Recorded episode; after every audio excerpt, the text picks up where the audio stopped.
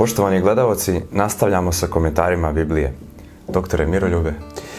A, u prošloj emisiji smo govorili o potopu i o tome kako su a, osmoro ljudi preživelo potop i kako su kopneni organizmi koji su ušli u Nojevu barku preživeli i jedan deo vodenih organizama. I nastavljamo sada sa opisom događaja koji su se desili kada su Noe i njegova porodica izašli iz barke i da vidimo kako se odvijala istorija nakon potopa od Noja i njegovih sinova. Možemo da čitamo od 18. stiha. Nojevi sinovi koji su izašli iz barke bili su Sim, Ham i Jafet. Kasnije se u Hamu rodio Hanan. Njih trojica su bili Nojevi sinovi, a od njih je nastalo stanovništvo cele zemlje. Dakle, od ova tri Nojeva sina, Sima, Hama i Jafeta, je nastalo celo današnje čovečanstvo. To priznaju čak i ateistički istoričari. Oni govore o Simu, Hama i Jafetu, jer je to istorijska činjenica. I kod uh, svih uh, legendi i tradicija drevnih naroda. Opet ovde se spomenju ova trojica njegovih sinova, Sim, Ham i Jafet. A, kao što smo rekli, sva imena u Bibliji koja se spominju ovde u ovim opisima, to su imena koje imaju određeno značenje. Rekli smo da ime Noe ili Noah na hebrejskom znači odmor, mir. A, imena Noevih sinova, Sim, Ham i Jafet, na hebrejskom Šem, nije Sim nego Šem, Šem znači ime i ukazuje na nekoga ko a, će pronositi Božje ime. Jer Sim ili Šem u originalu će biti duhovni naslednik Noja, odnosno patrijarh na zemlji, najveći duhovni autoritet i najpobožniji čovek. A, znači, Sim ili u originalu Šem. Ovaj drugi sin, Ham, Ham na hebrejskom znači a, vrelo, vruće, toplo. Znači, vidjet ćemo da će ovaj, da će ovaj Ham biti vrlo žestok, žustar, ali u jednom negativnom smislu i spominje se njegov sin Hanan ovde, koji je očigledno a, nasledio ideologiju i ponašanje svoga oca Hama, vidjet ćemo kako je taj Ham bio vrlo problematičan, vrlo uskoro, i od tog Hanana će nastati čuveni Hananci, neki od najpoznatijih satanista u istoriji, koji će živeti na teritoriji obećane zemlje i koji će biti odatle proterani. I bio je sin Jafet. Jafet na, potiče od uh, hebrejske reči Jafe, što znači lepo, tako da uh, Jafet znači lepotan ili u prevodu na naš jezik, znači neko ko je lep, lepojko, lepotan, ne znam kako bi ga na našem jeziku nazvali. I u svakom slučaju od ova tri Nojeva sina su nastali svi ljudi danas na planeti Zemlji. O tome potvrđuje i genetika, ali o tome nećemo govoriti u ovom serijalu. Koga interesuje za više informacija o naučnim dokazima o verodosnosti Biblije, može da poseti sajt Centra za primjeračke studije. Nastavljamo da čitamo dalje od 20. stiha. Noje je počeo da obrađuje zemlju i zasadio je vinograd. Jednom kad je pio vino, opio se i otkrio se u svom šatoru. A Ham, Hananov otac, video je golotinju svog oca i otišao da to kaže dvojici svoje braće, koja su bila na polju. Tada su Sim i Afet uzeli ogrtač i prebacili ga preko ramena i ušli hodajući unazad. Tako su pokrili golotinju svog oca, dok su licem bili okrenuti na drugu stranu, pa tako nisu videli golotinju svog oca. A, ovde imamo dva vrlo zanimljiva momenta. Prvi da je Noe sagradio vinograd i kaže se a, da je pio vino i da se napio i da se otkrio u svom šatoru. To je prvi moment kad, kad budemo čitali dalje biblijski tekstove, vidjet ćemo da ova reč za vino, hebrejski jain, ukazuje na isceđen sok iz grožđa.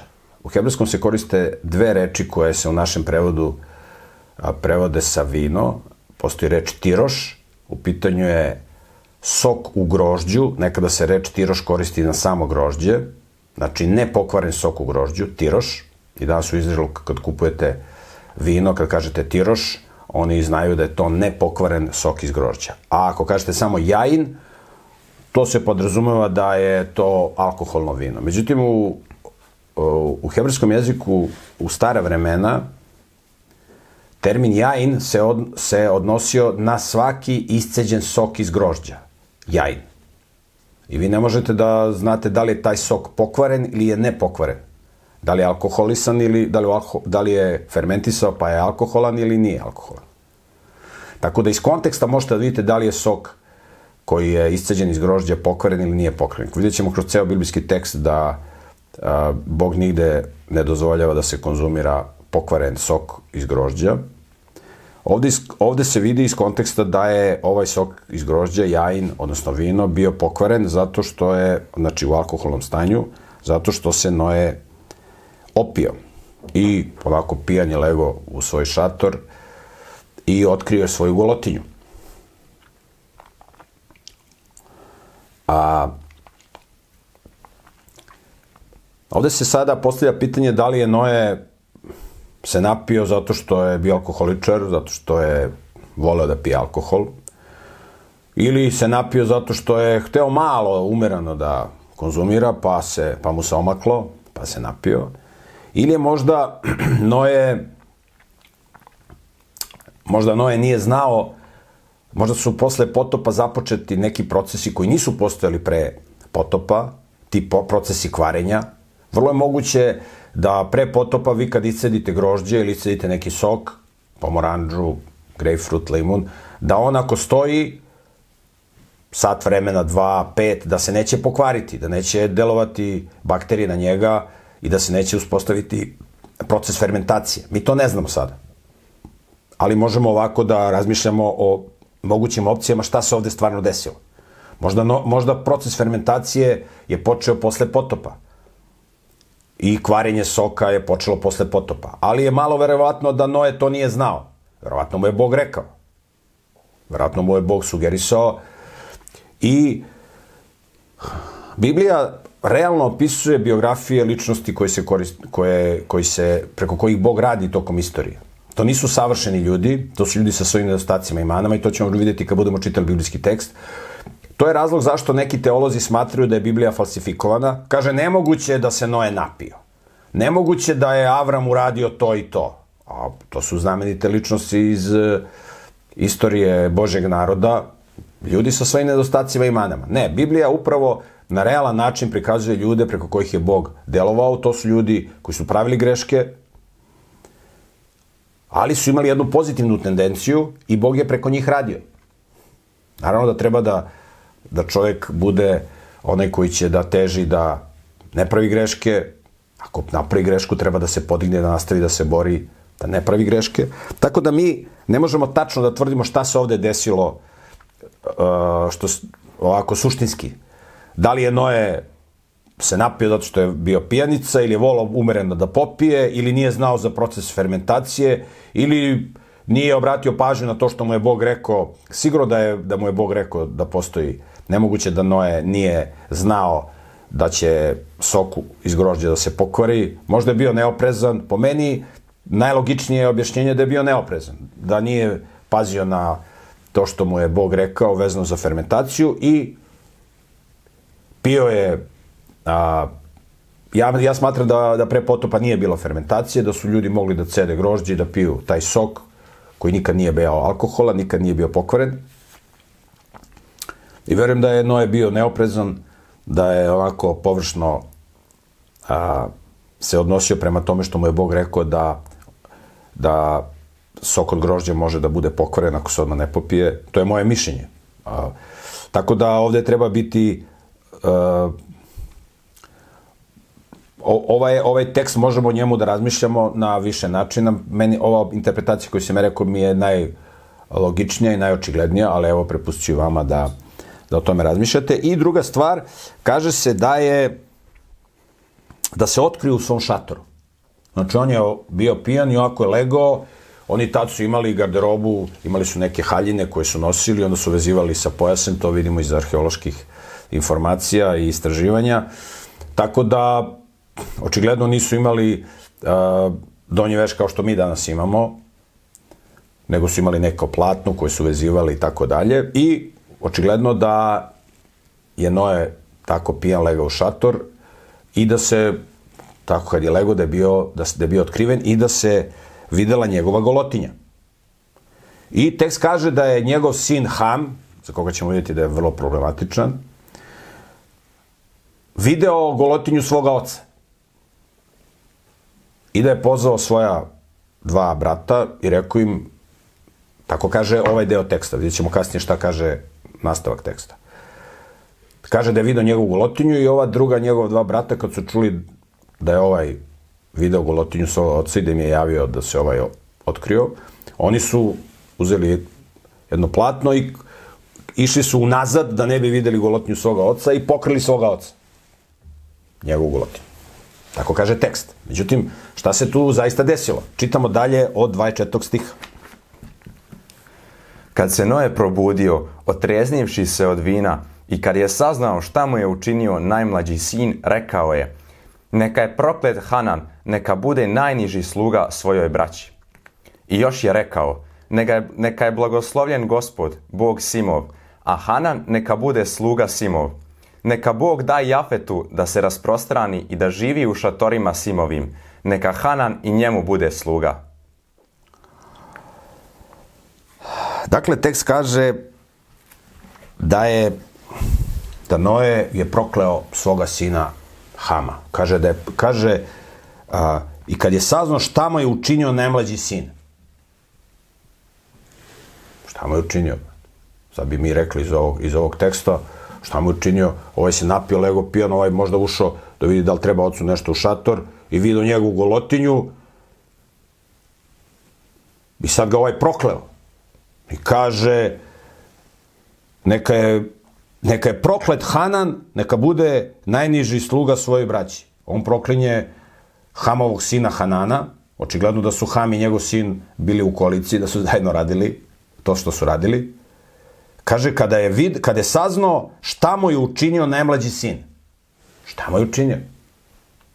Kaže, video njegovu ulotinju. Ako hoćemo da razumemo šta se ovde desilo i šta u hebrejskom tekstu znači videti nečiju golotinju ili otkriti nečiju golotinju, moramo da pogledamo biblijski tekst na drugim mestima. Mile, zamolio bih te da uđeš u treću knjigu Mojsijevu, 20. poglavlje, 17. stih. Imaš ovde gore, da lakše nađeš. Treća Mojsijeva, da pročitamo jednu zapovest o, koja se spominje u, u Bibliji. Evo ga, 17. stih. 17. stih, 20. poglavlje. Ako čovek uzme svoju sestru, kćer svog oca ili kćer svoje majke i vidi njenu golotinju i ona vidi njegovu golotinju, to je sramota. Neka se oni istrebe pred očima sinova svog naroda. On je otkrio golotinju svoje sestre, neka odgovara za svoj prestup. Iz ovog teksta i iz drugih tekstova vidimo da kada, kada se u, u hebrejskom tekstu koristi, koristi ovaki izjeri, kaže video nečiju golotinju, otkrio nečiju golotinju. To je nešto što postoji i u našem jeziku i zove se eufemizam. Znači, kada neku strašnu stvar, neku odvratnu stvar, hoćete da kažete na jedan fin način. To imate danas, na primer, ubijanje dece u ginekološkim ordinacijama, to se zove, to, to se ne kaže ubijanje dece, nego se kaže prekid trudnoće. Znači, to je eufemizam, prekid trudnoće. Sad će možda žene mnoge da mi zamere, na primjer žene koje briju noge, one ne kažu brijem noge, nego kaže ja se depiliram. Znači to je eufemizam, znači ona ne brije noge, nego se depilira. Ovde imamo slično. Tekst kaže, ako neko vidi golotinju svog bližnjeg, majke, sestre i tako dalje, ili ona vidi njegovu golotinju, kaže da se istrebe iz naroda. Smrtna kazna. Ko vidi, koristi se termini videti golotinju i otkriti golotinju. Što ukazuje na seksualni odnos. Znači, šta je uradio Ham na osnovu biblijskog teksta? Ja znam da se mnogi neće složiti sa ovom interpretacijom. Ja vam pričam šta piše u, u hebrejskom tekstu, u Bibliji. Pre potopa su se radile strašne gadosti. Znači, to je užas. To najbolje mogu da vam pričaju šta se radilo pre potopa, mogu da vam pričaju naši gastarbajteri šta se radi u zemljama zapadnog sveta. Znači, i luda kuća. Oni kad krenu da pričaju, vi kažete, ma to nijem, ti preteraš. Kakvi su, kakve su to perverzije između članova porodice sa životinjama, ovo, znači da, da se ispovraćate. Slična situacija je bila i pre potopa. Ham kao sin Noevi je ušao na nagovor oca u barku, ali on je bio jako problematičan. I posle potopa, na osnovu biblijskog teksta, kad se njegov sin, kad se njegov otac Noe opio od vina i legao, biblijski tekst kaže da je on imao seksualni odnos ili homoseksualni odnos sa, sa svojim ocem. To kaže biblijski tekst. Koliko god ovo izgledalo sablažnjavajuće, ja vam kažem šta kaže biblijski tekst. Mi ćemo kasnije vidjeti kad budemo čitali o, o uništenje Sodoma i Gomora, kako se nešto slično desilo, kada su čerke Lotove opile svoga oca vinom i imale seksualni odnos sa njim. I čak mu rodile decu, od kojih su nastala dva naroda koji danas postoje. Znači, mnogo gadne stvari su se radile. Nije to bilo Ham ušao i video golotinju, je tako, ovaj se otkrio, ovaj kao, ja, gol... ej, braćo, daj da ga pokrijemo. Kaže, kada je Noe video šta mu je učinio najmlađi sin, rekao je, neka je proklet Hana, neka bude najniži sluga svoje braći i tako dalje. Ja vam kažem šta kaže biblijski tekst. Ako neko može ovo na neki drugačiji način da interpretira, neka izvoli, neka interpretira, ja vam kažem šta kaže tekst biblijski. Znači, izgleda šokantno, ali nećemo ništa da ulepšavamo i da karikiramo, nego da ga prikažemo kako jeste, da vidite kakve su se grozote radile nekada, a isto to se radi i danas. Na osnovu biblijskog teksta, kao što ćemo kasnije čitati, da će, kaže se da će u posljednje vremena biti kao u vreme Noevo. I ovde a, se kaže neka blagosloven gospod Bog Simov, a Hana neka bude sluga Simov. Znači, Sim će, vidjet ćemo kasnije iz teksta, će biti duhovni naslednik a, Noja i ta generacija koja će dalje da ide prema Avramu. I sada u desetom stihu a, evo Mile možeš da pročitaš prva dva stiha U desetom poglavlju. desetom poglavlju Ovo su događaje iz života Noevih sinova, Sima, Hama i Jafeta. Posle potopa rodili su im se sinovi. Jafetovi sinovi bili su Gomer, Magog, Madaj, Javan, Tuval, Meleh i Tiras. i tako dalje. Znači, sad nećemo čitati ovde rodoslove. Ono što je ovde zanimljivo jeste da se spominju a, sinovi Sima, Hama i Jafeta. Za nas je ovde zanimljivo da se spominje da su Jafetovi sinovi spominju se tu imena i jedan od njih je Tiras, od njega će nastati Tiraseni ili Tračani, jedan od naroda koji se spominje, koji su, koji su živjeli ovde na Balkanskom polu- poluostrvu. I ovde se spominje rodoslov ova tri, odnosno imena sinova i ova tri Nojeva sina, Sima, Hama i Jafeta. U ovom rodoslovu imamo dva momenta koje su vrlo zanimljiva za nas. Jedan je tekst u 25. stihu, znači 10. poglavlje 25. stih. Mile, molim te pročitaj. Everu se rodila dva sina. Jedan se zvao Falek, jer se u njegovo vrijeme zemlja podijelila, a njegov brat se zvao Jaktan. Znači, ovde se spominje da je a, bio jedan koji se zvao Falek i kaže u njegovo vreme se zemlja podelila. Ovako, računajući matematički, hronologijski, to je bilo negde oko 100 godina nakon potopa.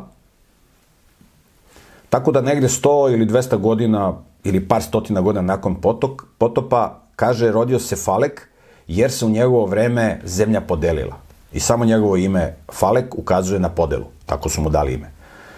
A, šta se to podelilo? Ja sam govorio kada sam pričao o potopu da na osnovu biblijskog teksta i na osnovu geoloških, paleontoloških studija, nakon potopa je bio jedan kontinent. Znači, zemlja je, bilo je 40 dana, 40 noći i padala kiša, voda je izbijala iz dubine zemlje. Zemlja je onda posle tih 40 dana i 40 noći bila pokrivena vodom 150 dana i onda je počelo da se izdiže kopno, a da se udubljuju okeanski baseni. I na osnovu biblijskog teksta možemo da zaključimo da je bio jedan kontinent. Jedan kontinent. Noe i njegovi sinovi su izašli iz barke, umnožili su se na zemlji, naselili su tu taj jedan kontinent i u vreme Faleka, mi možemo da vidimo koliko je Falek živeo, ali otprilike 100, možda 200, možda 500 godina. Došlo je do razdvaja, kaže, zemlja se razdelila. U vreme Faleka je u stvari došlo do, Bog je razdvojio kontinente. Znači, boje, i mi kad pogledamo danas kako izgledaju kontinenti na planeti Zemlji, vidimo da se svi uklapaju. Nekada je to bio jedan kontinent. To je bio taj jedan kontinent pre potop, koji je bio posle potopa, a u vreme Faleka se razdvojio. I ovo će biti dominantna naučna dominantno naučno objašnjenje sve do tamo negde početka 19. veka kada su se pojavili evolucionistički ovaj, a, geolozi, odnosno tamo početak 20. veka kad se pojavio Wegener, jedan evolucionista koji je rekao kako su se kontinenti, da, su, da im zemlja ima neke tektonske ploče i onda procesima evolucije tek, tektonske ploče su se razdvajali milionima godina. I ljudi su, naučnici su u početku tome smejali, međutim, pošto nisu imali bolje evolucionističko i ateističko objašnjenje, da su to prihvatili, to je danas dominantna teorija u ovoj ateističkoj geologiji, međutim, to je neozbiljno i, i nenaučno i netačno. Ovde imamo u, u, de, u prvoj Mojsijevom 10.25 imamo objašnjenje kada je došlo do razdvajanja kontinenta. To je vrlo bitan istorijski podatak u vreme Faleka. Drugi moment koji je vrlo bitan ovde, nećemo čitati deseto poglavlje više, kaže, to su porodice Nojevih sinova prema svim, prema svom porodičnom poreklu. U stvari, pročitaj ovaj 32. posljednji stih ovaj, desetog poglavlja. To su porodice Nojevih sinova prema svom porodičnom poreklu, prema svojim narodima i od njih su se raširili narodi po zemlji posle potopa. Dakle, od ovih potomaka Nojevih su se formirali narodi koji su se raširili po celoj zemlji. Ono što je zanimljivo ovde jeste da kada prebrojimo koliko je bilo potomaka Nojevih, od kojih su nastali narodi, kako kaže ovde u Bibliji, možemo da vidimo da ih ima 70. Znači, od Noja i njegovih sinova je nastalo 70 naroda. To kaže biblijski tekst. Zašto je to važno? Zašto je to važno? Mile, molim te, ovaj, uđi u prvu Mojsijevu 46.27. Da vidimo koliko je sinova Izraeljevih ušlo u Egipat. Od tih sinova Izraeljevih, tako se zvao jedan potomak, a, on se zvao Jakov, to je a, potomak Avrama, odnosno unuk Avra, a, Avrama, od tog Jakova, taj, tom Jakovu je promenjeno ime u Izrael i od tog Izraela je takođe bilo, bio određen broj potomaka od koji će nastati izabrani Boži narod. Mile, pročitaj, znači 46.27. U Egipat je došlo ukupno 70 duša Jakovljevog doma. Znači, u Egipat je došlo 70 duša, 70 sinova Izraeljih, 70 potomaka bez žena uh, Izraelovog, znači 70 duša. Ovde imamo 70 potomaka Noevih i sad kakve to ima veze? ima velike veze. Evo, pročitat ćemo u 5. Mojsijevom 32.9. 32.8, znači 5. Mojsijeva 32. poglavlje, 8. stih. Kada Mojsije, on tu peva jednu pesmu, Bogu zahvaljuje se, jedna vrsta molitve, 5. Mojsijeva 32.8. Slušajte šta kaže Mojsije. Kad je svevišnji dao nasljedstvo narodima, kad je rasejao sinove Adamove, odredio je granice narodima prema broju sinova Izraelovih.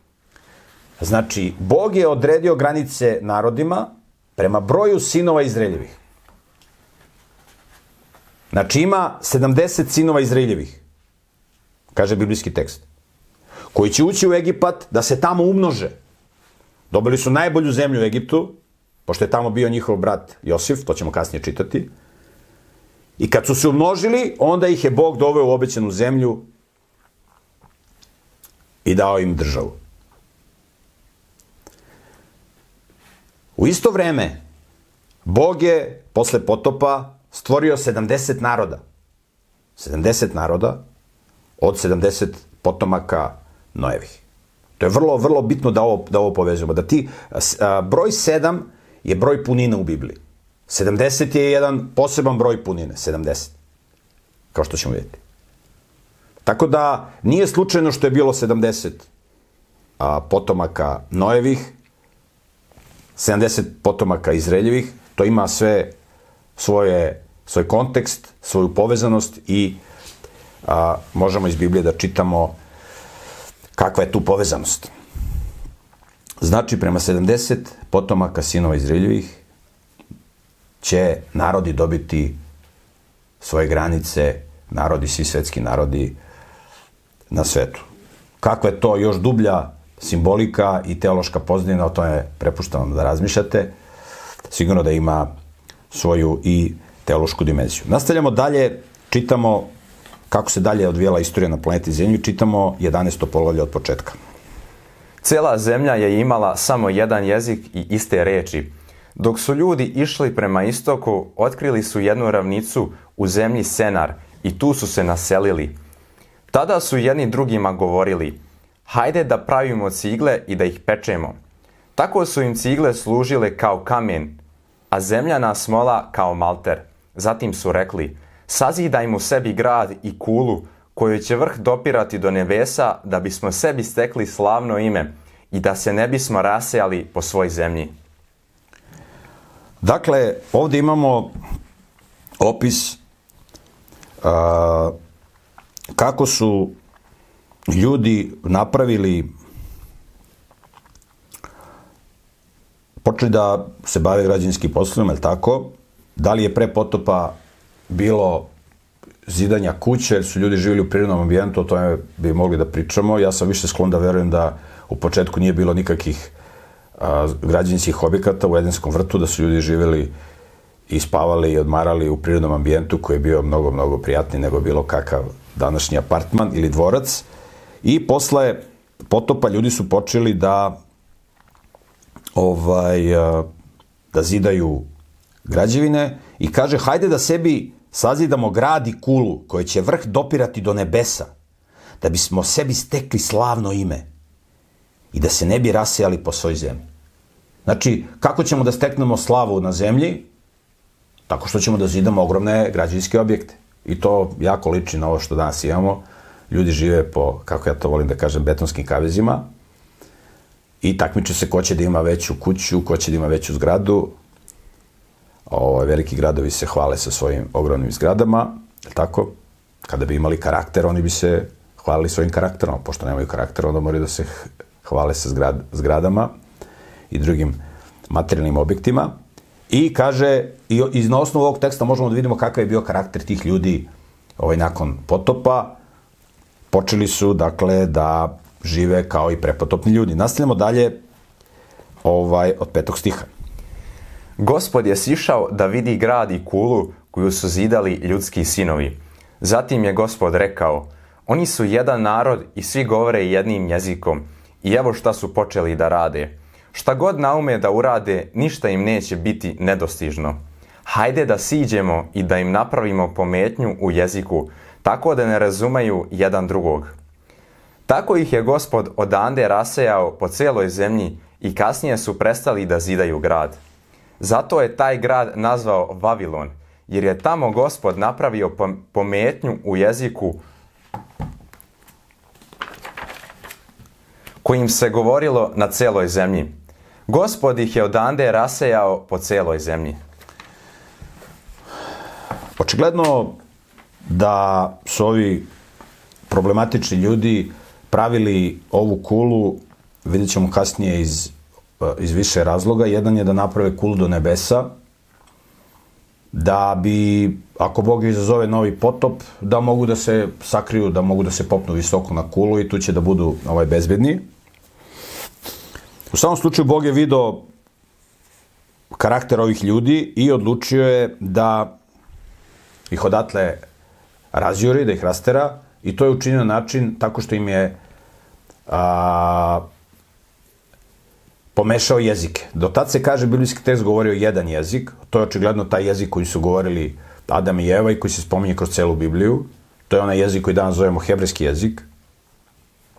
A posle Vavilon, posle a, ove vavilonske kule, ljudi su se razdelili tako što su počeli da govore različitim jezicima. Očigledno da su ti ljudi koji su govorili različitim jezicima kasnije sami sebi dali imena svom narodu i kaže se da je ovaj grad nazvan Vavilon, a, koji potiče od reči koja znači pomešati, pobrkati, može da znači i zbrku i, i pobunu, zbrku, konfuziju.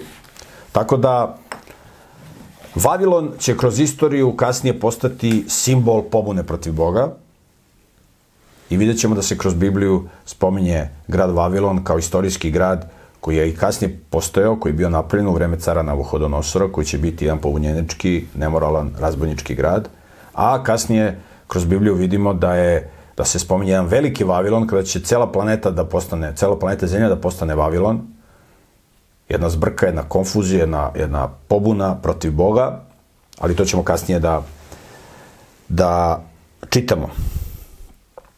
I sada ovde a, se od 10. stiha do 25. stiha se govori a, rodoslov Sima, koji je bio patrijarh, koji je bio, mi kažemo patrijarh ovaj, u našem jeziku, znači neko ko je bio duhovni autoritet u to vreme, duhovni naslednik Noja, onaj koji je bio Boži čovjek na zemlji na jedan poseban način.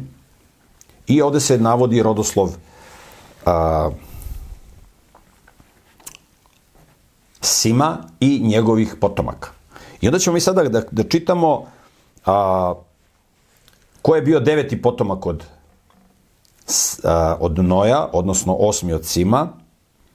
To je bio jedan čovjek koji se zvao Tara i on nam je bitan zato što je bio otac jednog znamenitog čovjeka koji će se roditi, zvao se Avram, što znači otac naroda.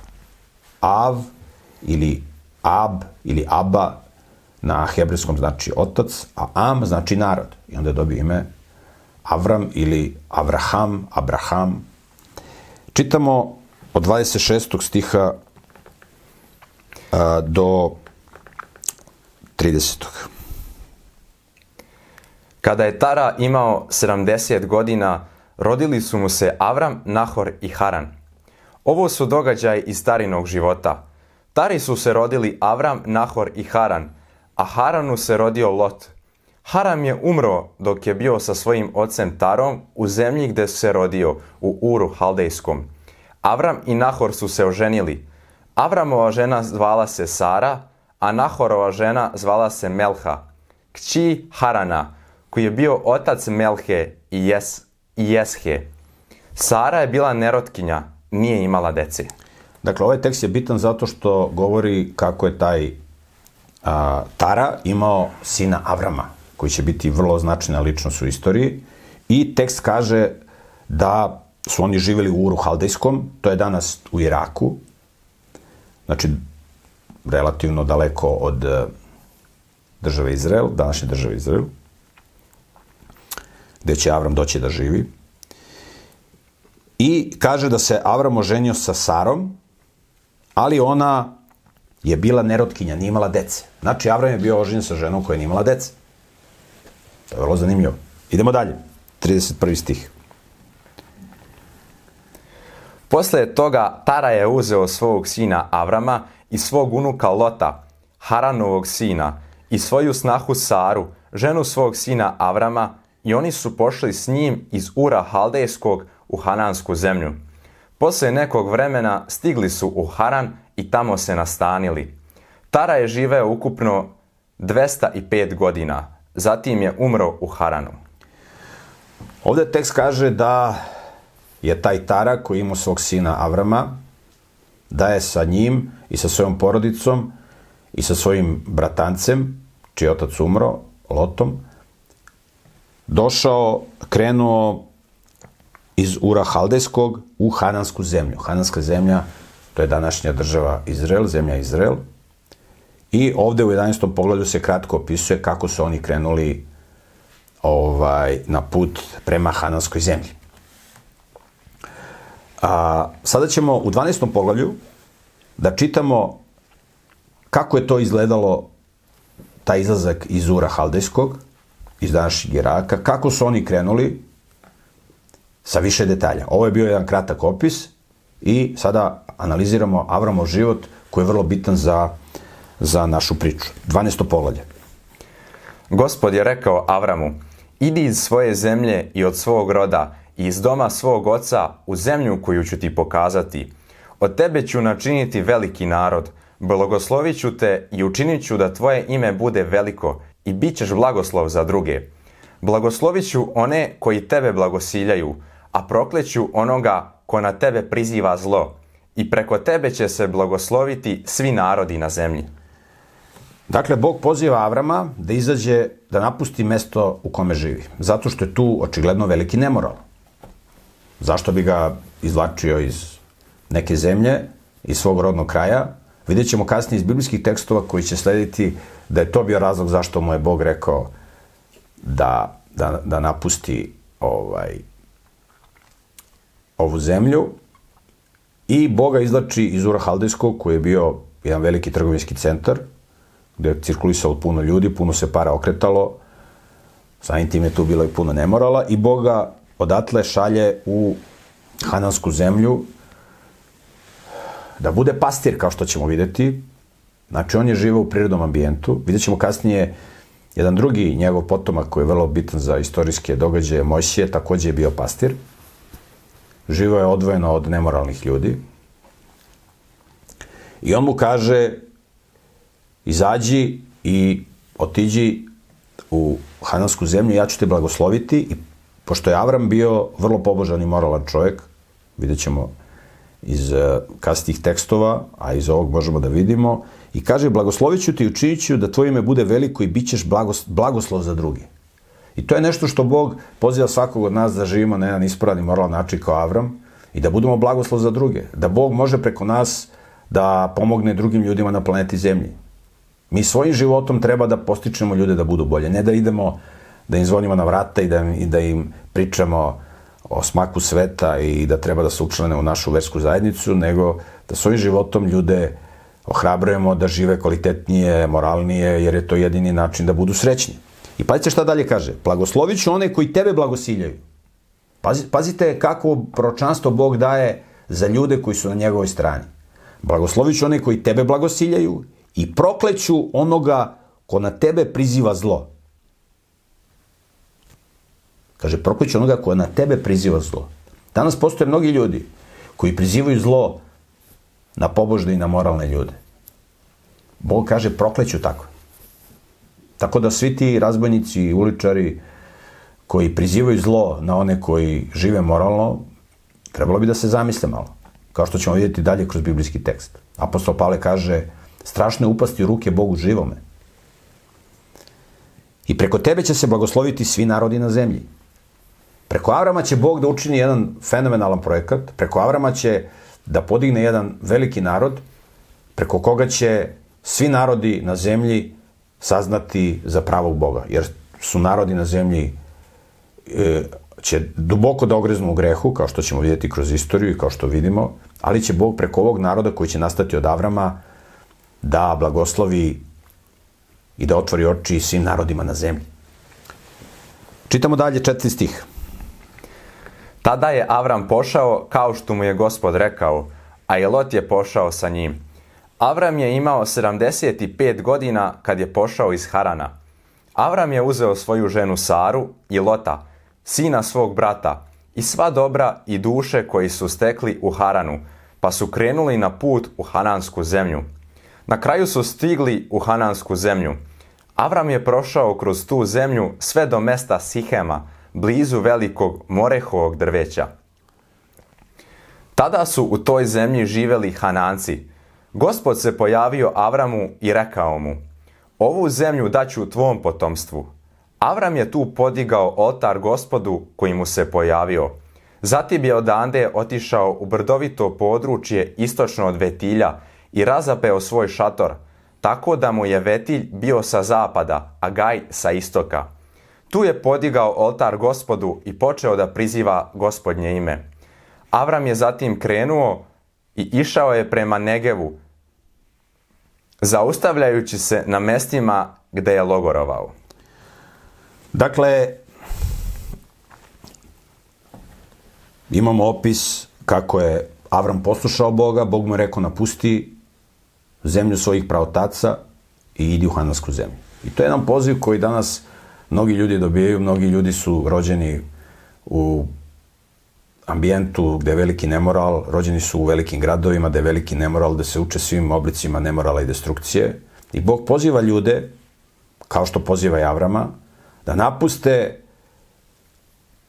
taj ambijent nemorala i destrukcije, bez obzira što će to možda biti malo neprijatno, malo bolno, da se odvajaju od ljudi s kojima su živeli godinama, ali to je jedan tekst koji ćemo, jedan poziv koji ćemo kroz celu Bibliju da, da čitamo kada Bog kaže izađite između njih da se ne opoganite u grehe njihove. Znači, čovjek, kao što je Solomon dalje kasnije govorio, mudrost je sklanjati se od zla. I evo imamo opis kako je a, Avram iz Ura Haldejskog, znači tamo gde je današnji Irak, došao, krenuo prema današnjoj državi Izrael, Hananskoj zemlji, koja se tako se nekad zvala, i došao je u, uh, u Negev, danas je na tom uh, Negevu velika pustinja, pustinja Negev, u to vreme očigledno nije bila pustinja, bila je vrlo plodna zemlja. I Avram je, dakle, iz Ura Haldejskog došao uh, u današnju državu Izrael, teritoriju današnje države Izrael, u južni deo. I polako se približava, kao što vidimo, Egiptu. Čitamo dalje. Desti stih. U zemlji je nastala glad i Avram je otišao u Egipat da se tamo privremeno nastani, jer je u zemlji bila velika glad.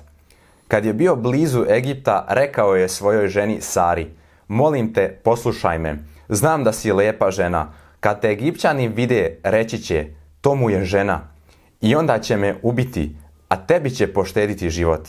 Molim te, reci da si mi sestra, da mi zbog tebe bude dobro i da mi duša ostane živa. Dakle, Bog je rekao Avramu da će da ga blagoslovi, da će njega napravi veliki narod, Bog je sa njim, Bog mu se lično obraća. Avram priča lično sa Bogom.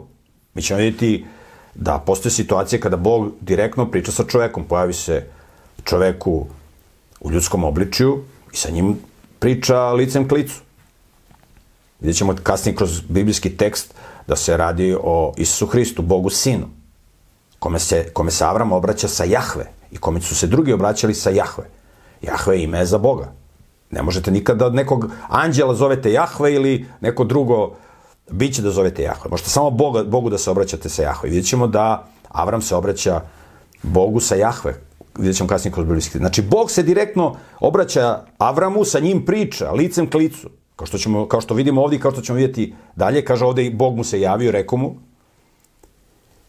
I Bog je sa njim, on dolazi u Egipat zbog gladi u Hananskoj zemlji, I on kaže svojoj ženi, e, sad ćemo malo da lažemo, razumeš, ti se, ti se pretvaraj da si mi sestra, razumeš, jer će ovi da me ubiju. Znaš, mislim, ima tu Bog se meni javlja, ali nije taj Bog, znaš, on sad ko zna gde je, možda se tamo zabavio s ne, ne znam.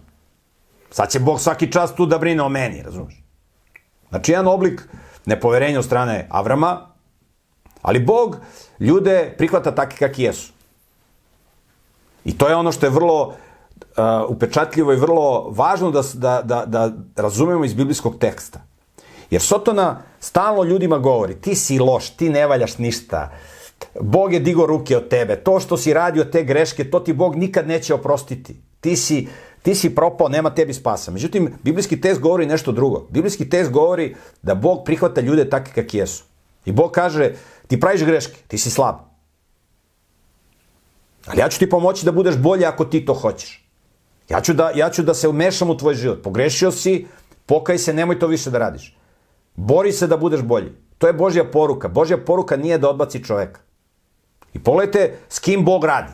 Bog od ovog, ovakvog čoveka će da napravi narod preko koga će da blagoslovi i da edukuje ceo sve narode na zemlji. I opet kažem, postoje teolozi koji kažu, ne, ovo, je, ovo ne može da se, ovo nije moglo da se desi, ovo nije tačno, ovo je falsifikat. Avram to nikad ne bi tako mogao da, da se to stvarno desi. Avram je bio savršen. Ne. Avram je bio čovjek sa svojim nedostacima i manama i u Bibliji je on realno prikazan. Znači on kaže ženi, sad kad dođemo u Egipat, ti reci da si mi sestra. Jer će ovi da, ako si mi žena, onda će da me likvidiraju. Ako si mi sestra, onda neće. E sad pazite, tu se sad otvara jedan, jedan novi moment. Ako on kaže da mu je sestra, a Egipćani hoće da mu uzmu sestru za ženu, možda tamo neki svoj harem ili hoće egipatski faraon da je uzme za ženu. Da li Avram može tome da se suprostavi? Ne može. Ali će sačuva svoj život. Naravno da on može da se suprostavi svim a, pokvarenim željama Egipćana, zato što je Bog sa njim. Ali on, očigledno, ne računa toliko na Boga. Bog mi je tu pomogao malo, ali moram ja malo da, malo više da zapnem, tu ima neke stvari, malo ćemo da lažemo i tako.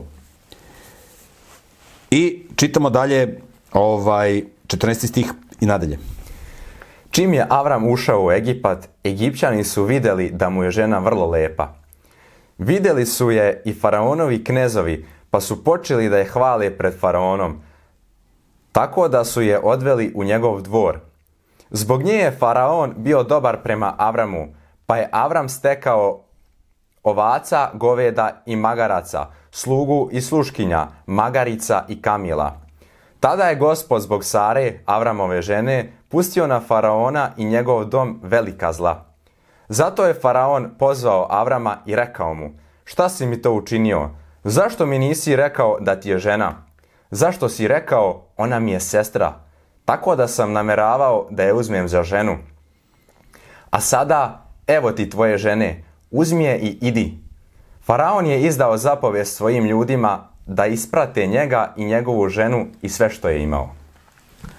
Dakle, Avram je pokušavao da neki svoj način se sačuva u životu, tako što će da laže i da vara, ali Bog se umešao.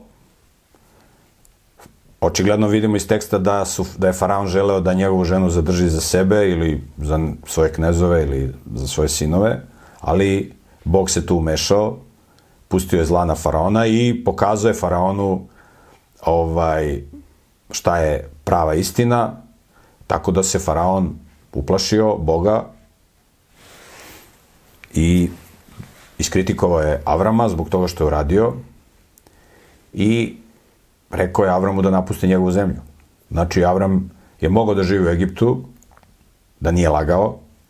Na ovaj način ga je Bog na jedan nežan način kaznio, tako što ga je Faraon ukorio. U stvari, Bog ga je ukorio preko Faraona, očigledno, pošto Avram nije hteo u tom trenutku da sluša Boga.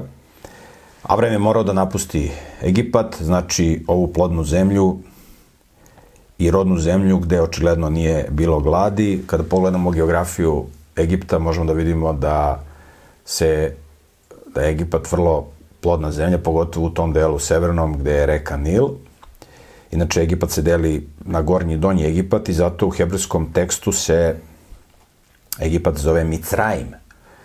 Mi kasnije čitamo Misir kao doslovnu doslovan prevod ili čitanje te reči Micraim, ali Micraim je dual i ukazuje na dva, na dve države, pošto je, Izra, pošto je Egipat bio ovaj, podeljen na gornji i na donji Egipat. A, ovde ćemo stati za sada i nastavit ćemo, u sledećoj emisiji ćemo nastaviti da čitamo a, ovaj, šta se desilo kada je Avram napustio Egipat. Tako da, hvala vam na pažnji i prepustit ću Miletu da... Dragi prijatelji, to je bilo sve za danas. Bibliju koju mi čitamo možete kupiti preko linka koji se nalazi u opisu ovog videa. Također u opisu ovog videa se nalazi link preko kojeg možete besplatno da čitate Bibliju u elektronskoj formi. Hvala na pažnji, vidimo se.